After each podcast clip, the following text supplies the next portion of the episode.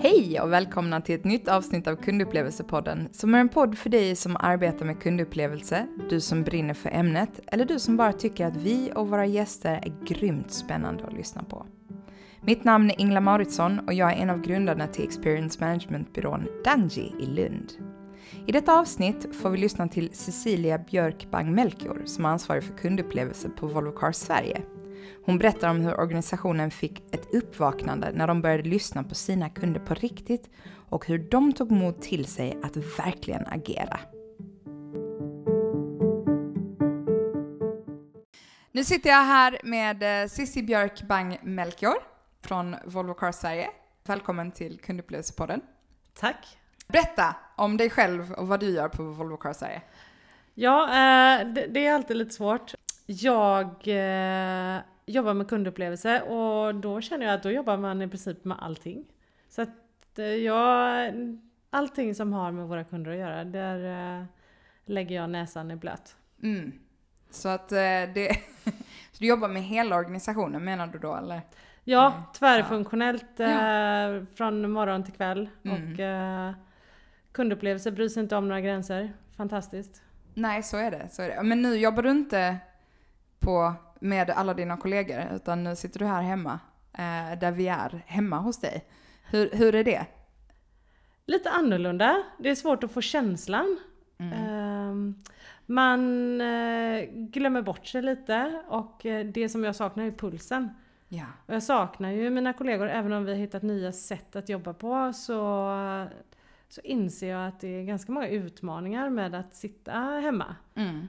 Och eh, jag har en tajt liten grupp, vi är fyra personer som hörs eh, många gånger per dag så att jag känner mig inte på något sätt ensam. Men det är ändå...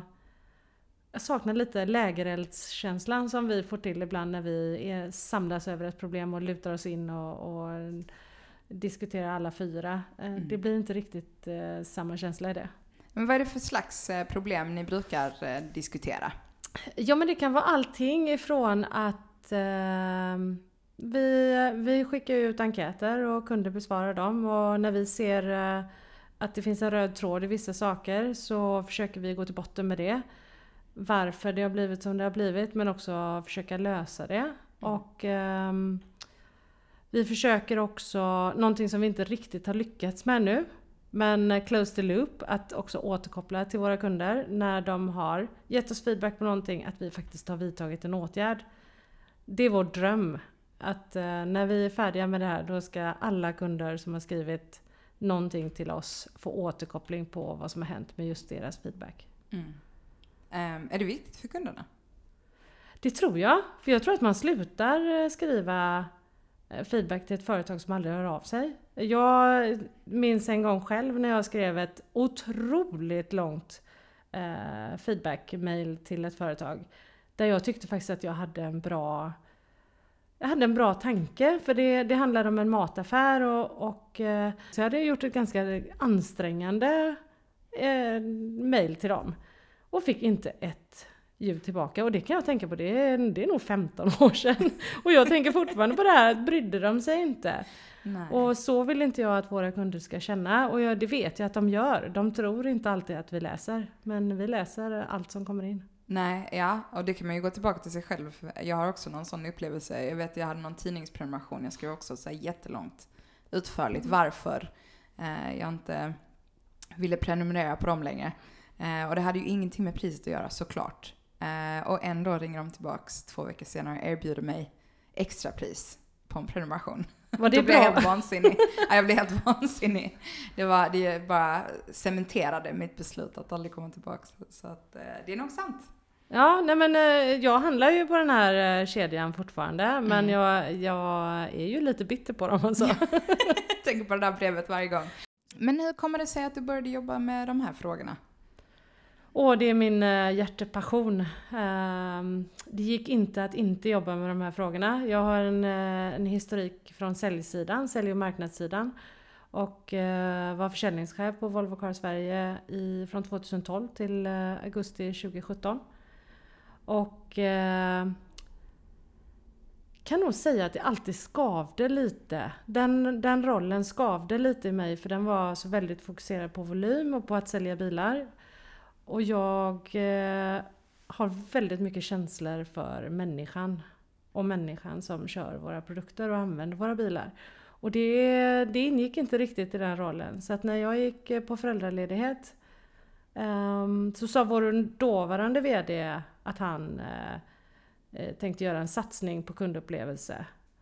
Och då eh, kände jag att den rollen, den var min. Sen kom det mitt under min föräldraledighet kom frågan och det gjorde mig lite förvirrad och då, då blev jag så här, min föräldraledighet vill man bara ha den vill man bara ha i fred. Man vill inte ta några livsavgörande karriärsbeslut eh, under föräldraledighet. Så det störde mig lite men med facit i hand så är ju detta mitt absoluta drömjobb. Mm.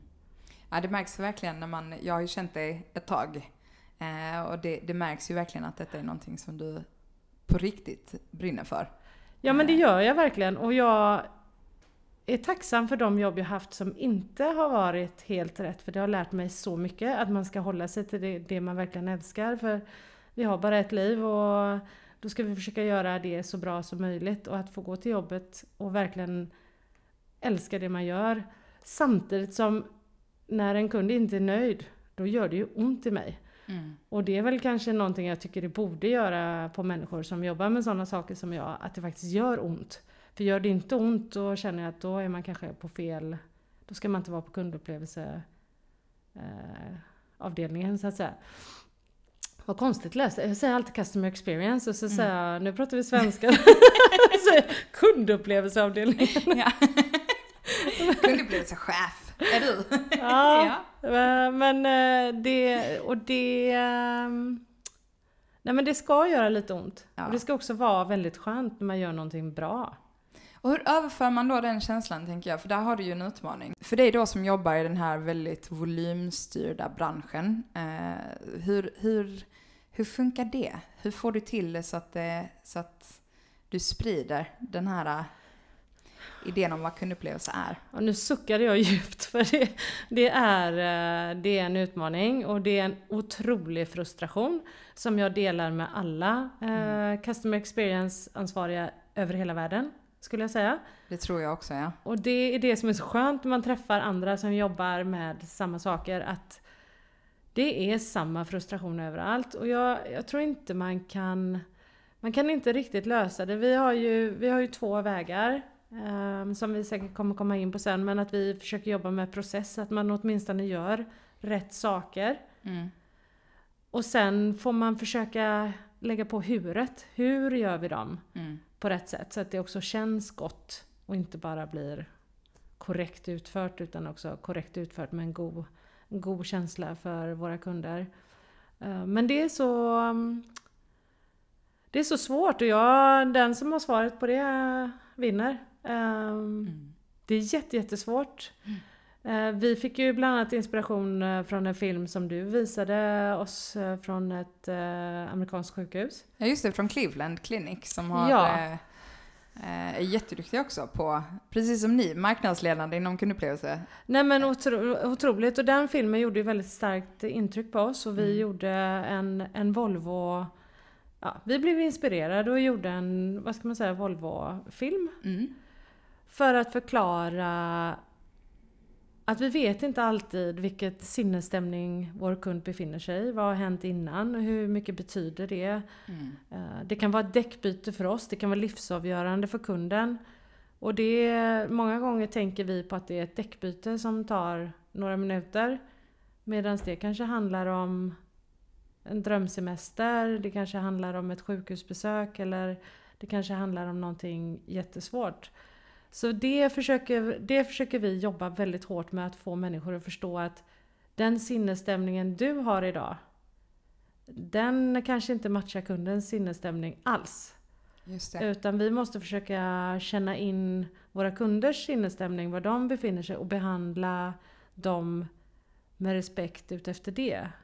Så ibland säger man att behandla andra som du själv vill bli behandlad. Och, och tar man det ett steg till, som en kollega till mig så klokt sa, um, han sa att behandla andra som de vill bli behandlade.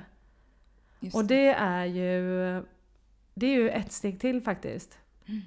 Men det är väldigt svårt. Det är jättesvårt för det kan också bli väldigt fel så det är någon form av balansgång där. Och det gäller ju också att sätta sig in i eh, vad kunden faktiskt känner och tänker. Och det är ju inte alltid så himla lätt att se, tänker jag, i ett, i ett snabbt utbyte eller, eller i en enkät. Eh, hur, hur gör ni det? Ja, eh, bland annat har vi använt eh, Dungy för att hjälpa oss eh, att, eh, att förstå på djupet vad som faktiskt är viktigt och hur vi uppfattas. Mm. Det är inte alltid vi själva vet. Vi... Där jobbade vi med djupintervjuer eh, som metod. Så att då pratade med kunde lät dem själva berätta. Precis. Och en intressant finding från det var ju som vi tänker på varje dag, som jag tänker på varje dag, är språkbruk. Hur vi pratar med varandra. Vi försöker fortfarande få våra kollegor, och det blev så uppenbart eh, förra veckan för vi har en eh, ny medansvarig i eh, vår företagsledning. Och det började pratas med förkortningar. Och han var ju modig nog att fråga vad, det, vad betyder det? Men det är ju inte alla som gör. Och det är också så att eh, konceptförklaringar som är ganska fina försvinner. Vi har någonting som heter personlig servicetekniker. Eh, och det är rätt så lätt att folk slänger sig med PST. Och det tycker vi, det låter mer som en sjukdom än som ett fint servicekoncept. så att jag, jag vet inte, jag tror att jag hellre hade varit en personlig servicetekniker än en PST. Det, ja. blir, det blir lite... Man tar bort udden av ett fint koncept. Och en väldigt fin roll. Som det faktiskt är. Och eh, det blir en slags härskarteknik och eh, ni upptäckte ju och gjorde oss eh, varse om språkbruk att man på vissa anläggningar använder man sporttermer. Och det blev som en match och kunden kände att den fick vara med i laget medan andra kände de sig som byten för där använder man jakttermer och ja, eh, sådär. Så att vi, vi um, vi kommer nog göra en parodi så småningom på alla uttryck som säljare slänger sig med. Ja. uh, och säkert också på den tekniska sidan. Men uh, jag kommer ju från säljsidan så jag har ju rätt hört ganska många man ska slå hål på, fick du hål på orden? Och man bara hur, eller fick du hål på kunden i värsta fall? Mm. Uh, och ser man det framför sig i bilder så är det kanske ingen mysig kundupplevelse och det kanske inte blir så lätt. Ja, då får man sätta på sig säljmössan och springa med de snabba skorna. Och ja. Öppna orderingången. Ja. Och så bara, orderingången. Ja. Det här kommer ordrarna, de kommer gående här. Ja, de bara öppnar ja. dörren så kommer de. Ja. Så att uh, det är ju, uh, utan istället fokusera på att faktiskt uh, leverera den absolut bästa bilupplevelsen. Mm. För då, då kommer man tillbaka. Mm. Mm. Så det är stort. Mm. Att sätta sig i kundens skor som eh, du pratade om i förra eh, en tidigare podd med IKEA. Där vi pratade ju om eh, att designa leksaker och hur, hur det är att sätta sig i ett mm. barns sko mm. eh, när man designar för dem. Ja, det, det är tufft och det är ibland så, precis som i det avsnittet, så är, är man ju inte alltid lik kunden. Eh, man pratar ju inte alltid, precis som du säger, man pratar inte alltid eh, som kunden gör och man tänker inte som kunden tänker och speciellt när det är sådana här stora köp som när det är en bil eller en bostad eller gå på ett läkarbesök. Det är ju någonting som utföraren gör varje dag mm. eh, och är med om varje dag men som mottagare så kanske det bara är en gång var tredje år eller Ja och sen kan ju företagsledningen kan ju se rätt så lik ut och leva eh, relativt likt. Och jag menar jag bor här i villa, det är väldigt lätt att tänka att jag bara ställer min bil på garageuppfarten och så stoppar jag i laddsladden och så är det jättelätt medans en kund som bor i stan har ju inte alls samma, så det är otroligt viktigt att komma ihåg och jobba med de insikter om hur våra kunder faktiskt lever och inte bara tänka, för det är ganska lätt att bli åsiktsdriven. Och det, det, försöker vi jobba stenhårt med att uh, hela organisationen ska bli insiktsdriven. Mm. Det, så att ett, ett tips för dem som äh, ska sätta igång med det här är alltså att sätta sig in i kundens upplevelse och i kundens skor. Absolut. Bara, bara, bara. Mm. Det är dessutom otroligt roligt. Ja. För man får se så mycket mer än sin egen... Äh, man får väldigt också. mycket... aha-upplevelser och inspiration och jag, jag blir väldigt inspirerad av att, att eh, när vi får verkligen insikter som... Eh, och en insikt som, som vi bland annat eh, fick med hjälp av er var ju som jag tror egentligen jag har alltid känt att den har varit rätt men den har varit en känsla och då är det väldigt skönt att få det bekräftat. Bland annat det här att kunderna, de förväntar sig inte att vi ska vara perfekta men de förväntar sig att vi ska vara ärliga när någonting går fel. Just det. Och det, vi har en skaderådgivare, eller Bilia har en skaderådgivare i eh, Volvo-nätverket eh, som heter Karina. Eh, och henne har vi gjort ett reportage nu för när vi sammanställer alla kommentarer som kommer in så är Karina man märker att det är något speciellt med Karina. Så att vi, vi har träffat henne och vi har även pratat med hennes, eller våra gemensamma kunder. Och det är bland annat det här ärlighet. Mm. Ärlighet, eh, hon säger det att det gäller att vara, hon är alltid ärlig även när det går fel. Och det märker man ju att hennes kunder uppskattar. De vet att den informationen de får av henne, den är korrekt. Mm. Mm, och där sa du någonting intressant. Ni hittade alltså den här informationen i kundkommentarerna. Ja. Eh, är det någonting ni jobbar systematiskt med också? Det är det. Eh, det sker både systematiskt och eh, spontant skulle man säga för att eh, varje dag får jag mail med alla våra kundkommentarer. Så att det är ganska lätt att sitta vid frukostbordet och, och läsa igenom. Och då fokuserar man ju många gånger på de som faktiskt inte är så bra. Mm. För att man vill åtgärda det snabbt. Men det, är, det är enormt att få läsa om våra medansvariga eller Volvohandelns medansvariga, för vi äger ju inte Volvohandeln utan de är ju egna företagare. Um, så att när man läser om händelser och personer som har visat på eh, väldigt stor omtanke. Och äkta omtanke är någonting som vi eh, har verkligen som ett ledord, att det ska vara på riktigt. Mm.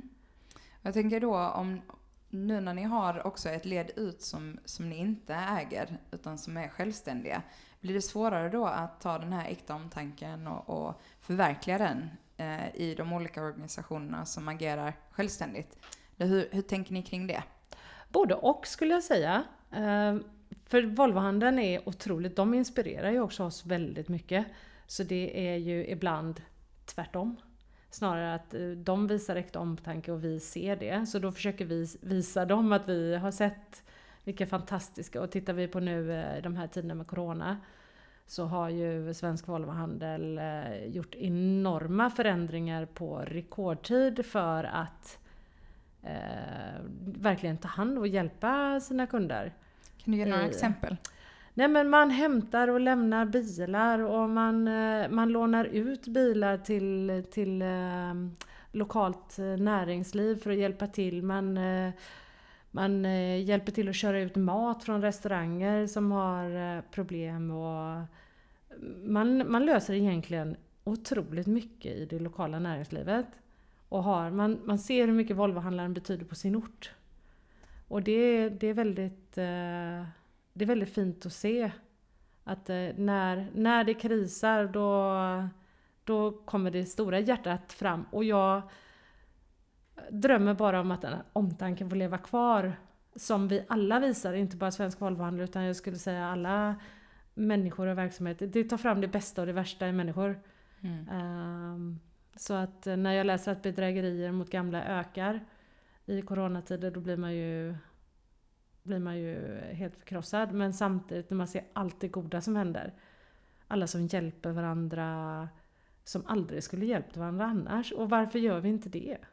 Mm. Det borde vi göra jämt. Ja, verkligen. verkligen. Så ja. det hoppas jag ju ska få, få leva kvar. Att vi tar hand om våra nära och kära och extended eh, eh, familj och grannar och Ja, så. verkligen. Det, det är nästan synd att det krävs en kris för att det ska komma fram, den här omtanken. Eh. Ja, det, det, är, det är i alla fall då man förstår hur mycket den betyder. Och det, jag har nog alltid levt så, men jag kanske alltid har varit lite kris också. Nej men jag känner att just den här att man förstår eh, Eh, jag pratade med en kvinna på, på jobbet som, där vi har försökt eh, prata om det här. Hon jobbar också, eh, inte i min grupp, men hon jobbar med kundupplevelse också. Och hennes svärmor gick bort. Och då, då sa hon det till mig efteråt, nu förstår jag vad det är du har försökt säga hela tiden att ni vet ju inte om att jag... För hon åkte ju till jobbet och försökte låtsas som att allting var okej. Delvis för att inte belasta någon, för så gör vi gärna. Eh, men också för att hon kanske inte kände att hon klarade av det just då. Att, eh, att eh, dela med sig. Men omvärlden ser ju henne som om det var vilken dag som helst. Medan hon sitter och kan bara tänka på sin sorg. Mm. Och det är klart att hon var ju inte där. Hon kanske hade behövt en kram och, och förståelse den dagen. Men det är väldigt svårt att be om hjälp. Mm. Mm. Så att äh, lär vi oss att och verkligen... Och att en styrka är att faktiskt säga hur man mår i Absolut. en organisation. Ja. Se sina medarbetare. Tror du att medarbetarupplevelsen och kundupplevelsen hänger ihop? Ja, de är twins. Mm. Skulle jag säga. För att det går inte, du kan inte börja med det ena och inte ha det andra. Och det, det är väl en svaghet i många organisationer att vi är många gånger separerade. Nu eh, jobbar jag nära våran people experience och känner att det blir bättre och bättre. Man måste förstå en bra kundupplevelse för att kunna ge en bra kundupplevelse. Men det är väldigt många som tänker att det rör inte mig. Just det. Och det, det, det har alltid varit en gåta för mig. Hur kan jag som människa inte förstå min egen påverkan på en annan människa? För att om, om jag själv är kund till någon så borde jag ju förstå hur det känns, vad jag vill på något sätt eh, förmedla till mina kunder. Men det där kan vara vattentätt emellan, att det, nej, det får kunden förstå. Nej, det behöver de inte. En grej som jag tycker i och för sig att ni har varit väldigt duktiga på i det, det är ju att vara ganska explicit i, i hur ni pratar om detta med era medarbetare. Ni har arbetat väldigt mycket på att gå ifrån det abstrakta och göra saker och ting mer konkret. Kan du inte berätta lite om hur ni har jobbat med det? Alltså att eh, förflytta er från att, att titta på liksom att, ja, men ett, ett resultat till att faktiskt prata om men vad är det som gör att folk känner på ett visst sätt och hur kan vi jobba med det? Det är faktiskt någonting jag är så stolt över. Jag är så stolt så att jag nästan spricker när jag tänker på det. Att vi vågade släppa betyget. Mm. För det är ju eh. branschstandard att jobba på det sättet egentligen. Om man tänker liksom med betyg. 1 till 5, 1 till 10, vad det nu är för någonting. Då, det ser man överallt. Eh, det vi har nog överallt. fått ett par enkäter du och jag till ja. och med. Och jag, nu är jag ju känsligare än någonsin men ja. nu ger, om jag ser det här beteendet eh, så det är faktiskt ett par företag som har fått samtal av mig som inte har responderat ännu. Men, eh, De får som kanske, samtal av mig också kan jag säga. Där jag känner att man har försökt påverka mig. Och jag skulle så gärna vilja berätta för dem hur det motverkar syftet. Och det var att vi, vi kände Tidigare var vi en grupp människor som jobbade med kundupplevelse.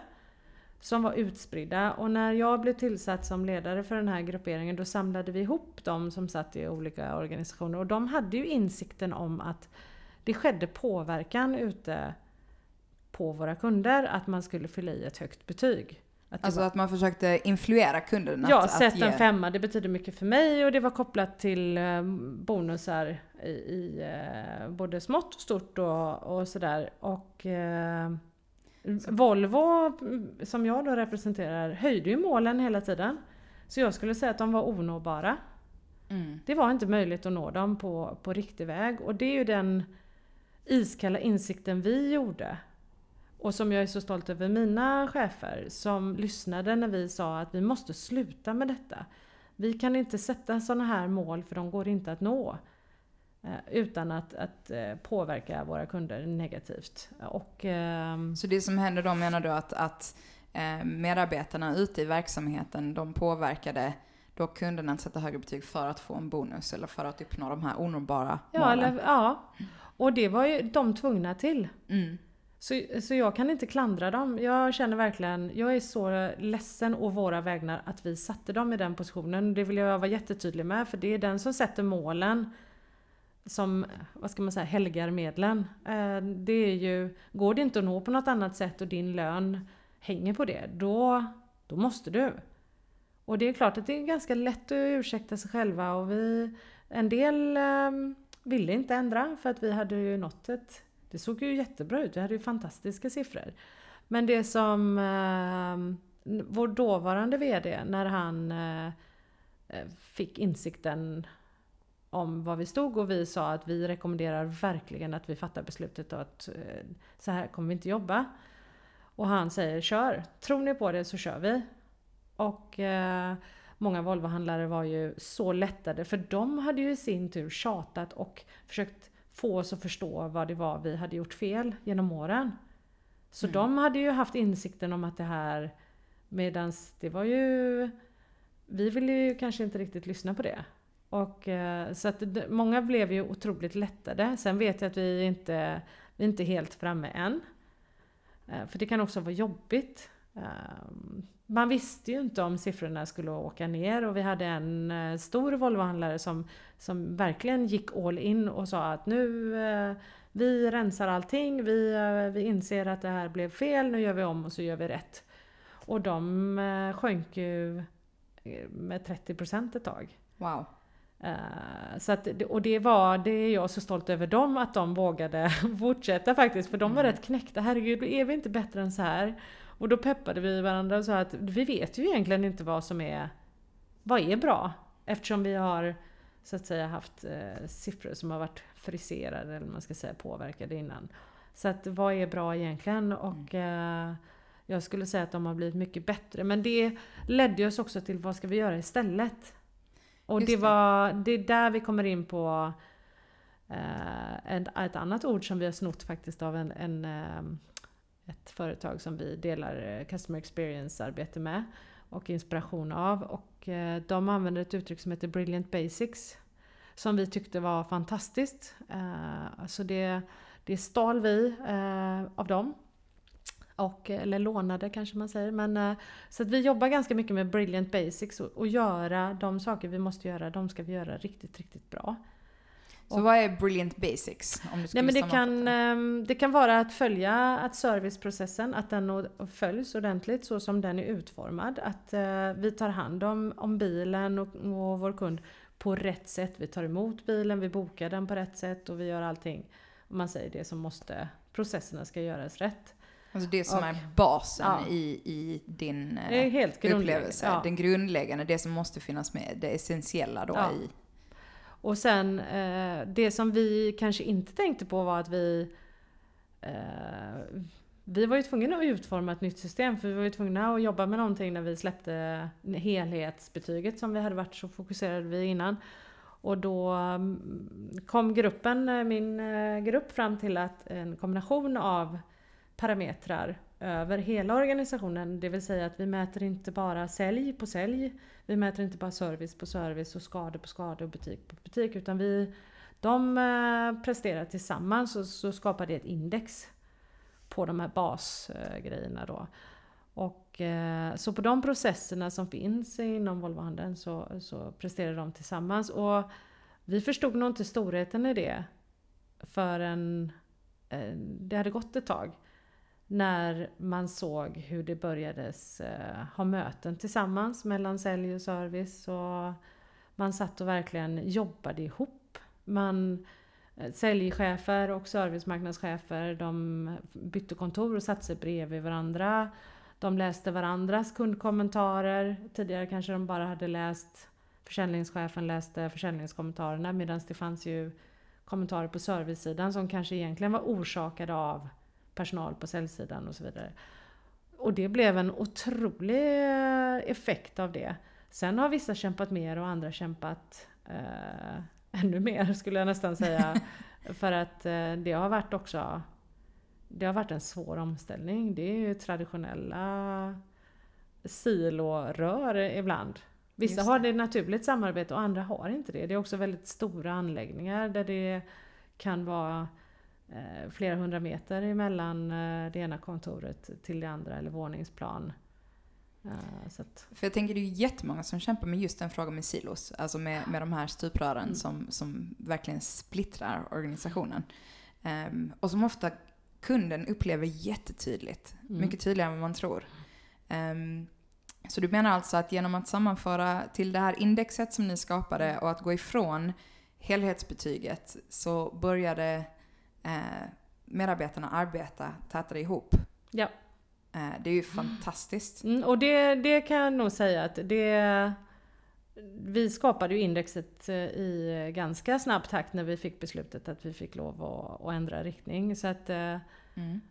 jag var nog inte personligen så beredd på den positiva delen. Och den har ju även blivit positiv intern hos oss. Hur Så- lång tid tog det för det? Ja, det tog nog... Eh, det tog nog ett halvår innan vi började se vad som hände hos vissa Volvohandlare. Och sen, eh, sen har det... Vi är ju inte framme än. Nej. Eh, Vi har hållit på i två år nu. Så att vi är absolut inte framme. Och vi ser fortfarande att det finns tendenser till att man, man vill ha ett högt betyg. Så, för att det, man blir glad. Men, men min enda hälsning till alla eh, företag som håller på så här är att det är otroligt mycket skönare att läsa de fina betygen man får sen när man vet att de är opåverkade. Mm. För annars så, då värmer det hjärtat eh, på riktigt. Och det, det ser ju vi att de, bara för att man inte har gett ett toppbetyg så kan det ju vara kopplat till en superfin kommentar. Mm. Så, men sen ska man ju eh, komma ihåg att jag, någonting som jag insåg eh, och som vi har pratat om lite grann i gruppen, att vi, vi kallar ju det här våran detox. Att vi har Mhm. detoxat eh, våran eh, organisation från den typen av beteende. Men vi har ju inte, våra kunder är ju inte medvetna om detta. Så en del kunder som har varit med oss länge, de ger nog ett högt betyg för att de vet att det vill vi ha. Så att så skulle det vara någon, eh, någon av våra kunder som lyssnar här nu så säger jag bara gör inte det, ge det betyget du vill ge oss. Eh, för att eh, vi, ska, vi ska förtjäna det på riktigt sätt och Mm. inget annat. Vad härligt att höra. Det är ju ehm, befriande när man, kan, när man kan jobba på ett så ärligt sätt med kundfeedback. Därför det är ju ofta någonting jag fick lära mig som eh, när jag var liten att eh, min pappa sa till mig alltid att ja, men ge inte ett dåligt betyg till någon person. Eh, därför att du vet inte hur det kommer att påverka dem och deras jobb. Eh, och det där har jag tänkt på nu när jag har arbetat med de här frågorna. Hur, hur mycket det påverkar mig. Mm. Eh, och att folk sitter ju med saker som man inte vet. Eh, som påverkar dem till att sätta betyg. Eh, Men vi måste ju ha någon typ av mätbarhet för att kunna följa upp. Speciellt i, i, i en organisation som er som är så utspridd och som har så många intressenter i sig. Ja, det, det där är svårt för eh, vi, egentligen skulle vi ju inte vill, behöva... Egentligen vill man ju inte fråga alls, man vill ju bara veta. Man ska ju bara veta, men eh, vi är ju inte riktigt framme där i att vi vet. Eh, utan, och, sen så skulle jag vilja att det fanns någon, kanske någonting för vår utvecklingsavdelning, men en kundfeedbacksknapp i bilen. Så att just när vår kund får feeling och vill ge oss någon form av feedback så kan de eh, trycka på knappen och komma rakt in i eh, hjärtat av customer experience och eh, tala till, till oss. För att vi vill ju verkligen ta action på det, Mm. det som vi får in. Det är ju otrolig skatt skulle jag säga. Eh, men jag blir förvånad för när jag pratar med kollegor i branschen så är det många som säger att eh, ehm, att de inte riktigt tar till sig vad kunderna skriver, att de inte har tid. Eh, och då anser jag, då behöver man inte fråga heller. Och sen, ehm, det var väldigt slående, vi hade en föreläsning, jag och min kollega Peter, i, när vi var på ett eh, Customer Experience Forum i London. Och ehm, ja, det är nog, jag skulle säga, det var nog hundra företag som hörde av sig efteråt och sa Hur gjorde ni? Hur fick ni ledningen att förstå att det här... För det är många som sitter inte i sina företagsledningar eller inte har, de sitter en bit ifrån. Och företagsledningen vill ha ett resultat som är bra. Eh, Och då får de det. Mm. Och det, det är hemskt. Jag... Hur gjorde ni då? Nej men vi, eh, vi berättade för vår eh, förra VD Christian Elvefors hur det låg till och uh, han blev ju ganska upprörd när han insåg att uh, det vi tittar på är inte rätt. Så han, uh, det krävs en modig ledare skulle jag säga. Han vågade ju. Och det tror jag inte alla hade vågat. Och det, det insåg jag ju när vi var i London och så många sa att de har försökt berätta för sina ledningar att, att detta försiggår och, och sådär. Um, och eh, jag hade som sagt eh, själv en kundupplevelse där jag insåg att en person eh, började bli lite obekväm i en... Jag var kund och han som det var började bli lite obekväm och då frågade jag honom Är det så att du känner dig lite obekväm för att du måste påminna mig om, om vikten av att jag ger ett bra betyg i er enkät? Och då tittade han på mig och sa Hur visste du det? Och då var det så att en kollega till mig var kund till samma företag så hon berättade hur ledsen hon blev när den här personen skulle, när de, när de var klara med affären och eh, han som också hade, hade varit helt super.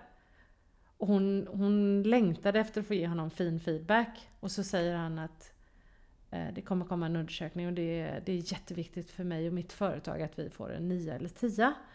Så om du ville sätta det alternativt inte svara alls. Um, och hon blev så besviken. Så hon kände, hon, hon satte ju den nian för att inte skada honom. Men det var ju inte med den glädjen som hon hade gjort. Hon hade ju satt det ändå. Mm. Uh, för att han var så bra. Och när, när han då säger det, då berättar han att hans företag i sin tur då får inte uppdraget av uh, uppdragsgivaren om de inte har uh, bara nior och tior i betyg. Mm. Och då har man ju... Och det här företaget då har jag sen sett gör reklam för hur höga betyg de har och då blir jag helt kallsvettig. Jag känner bara så här, sluta! Mm. Det är inte intressant.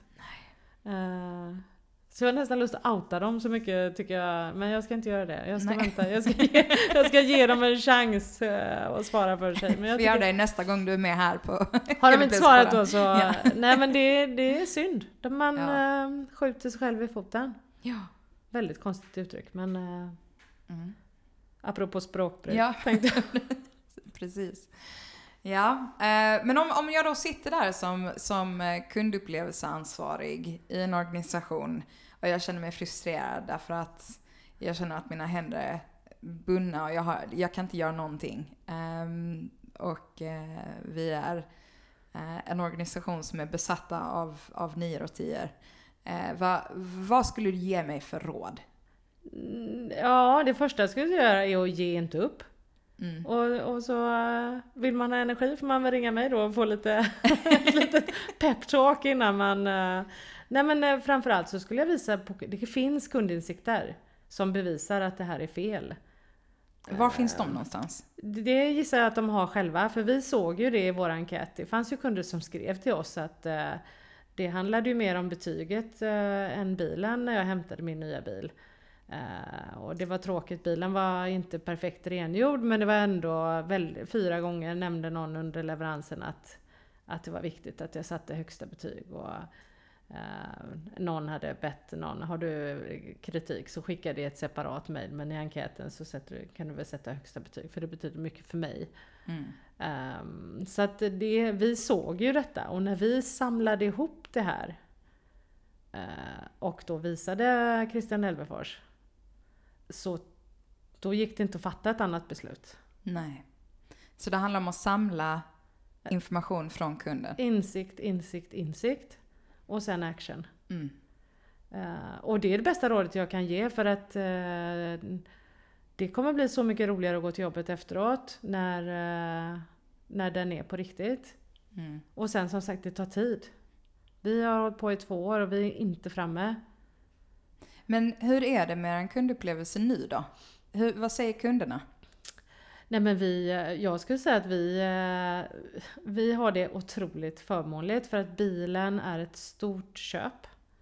Man, man lägger väldigt mycket engagemang och man tycker om sin bil i regel.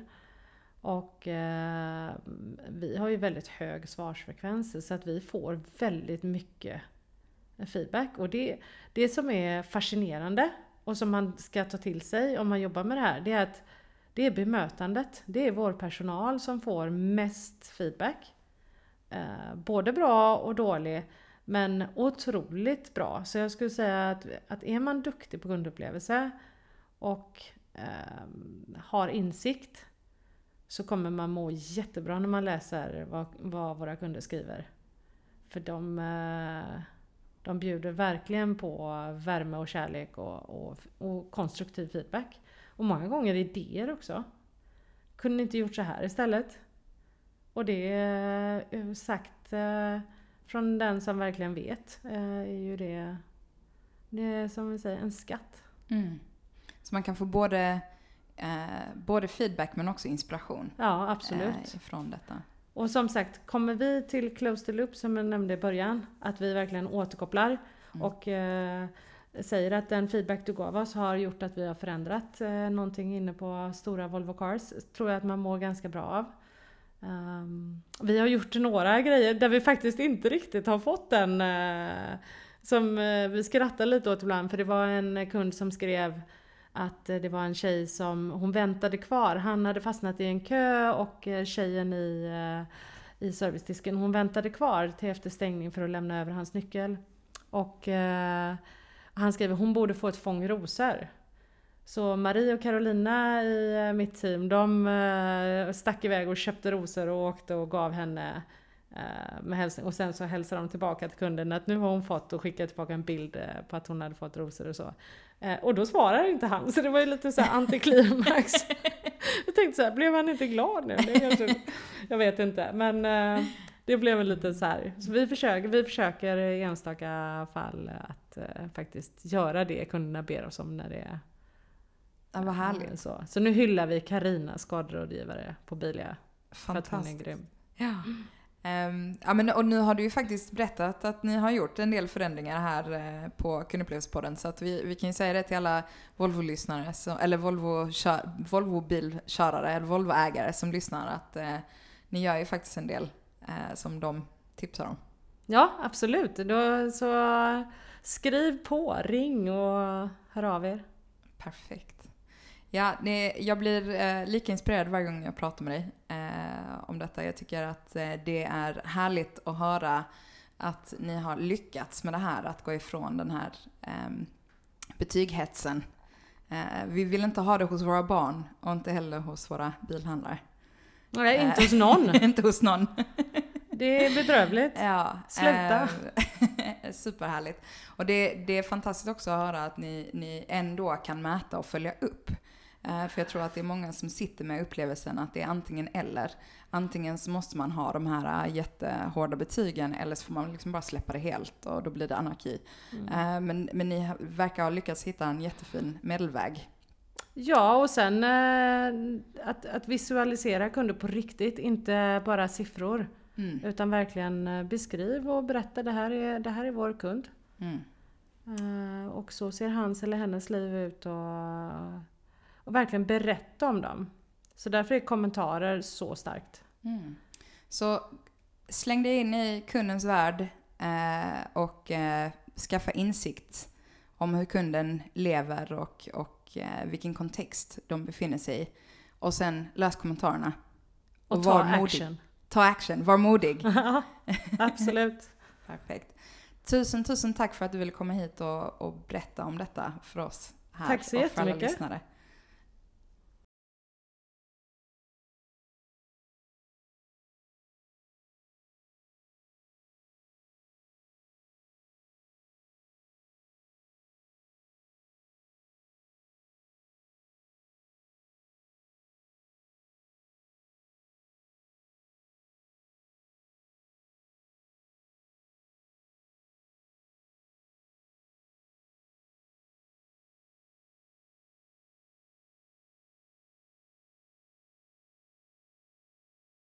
Eller hennes liv ut och, och verkligen berätta om dem.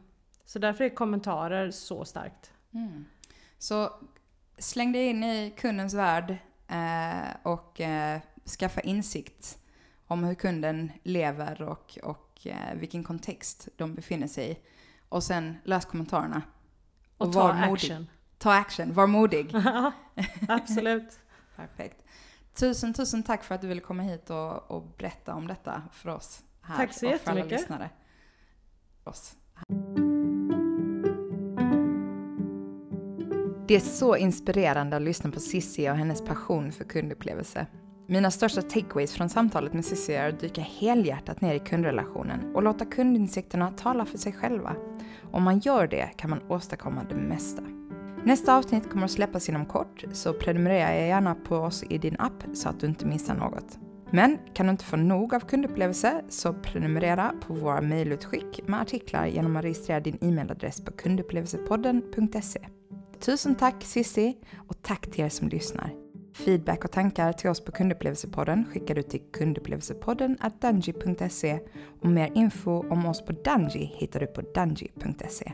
Ha det gott!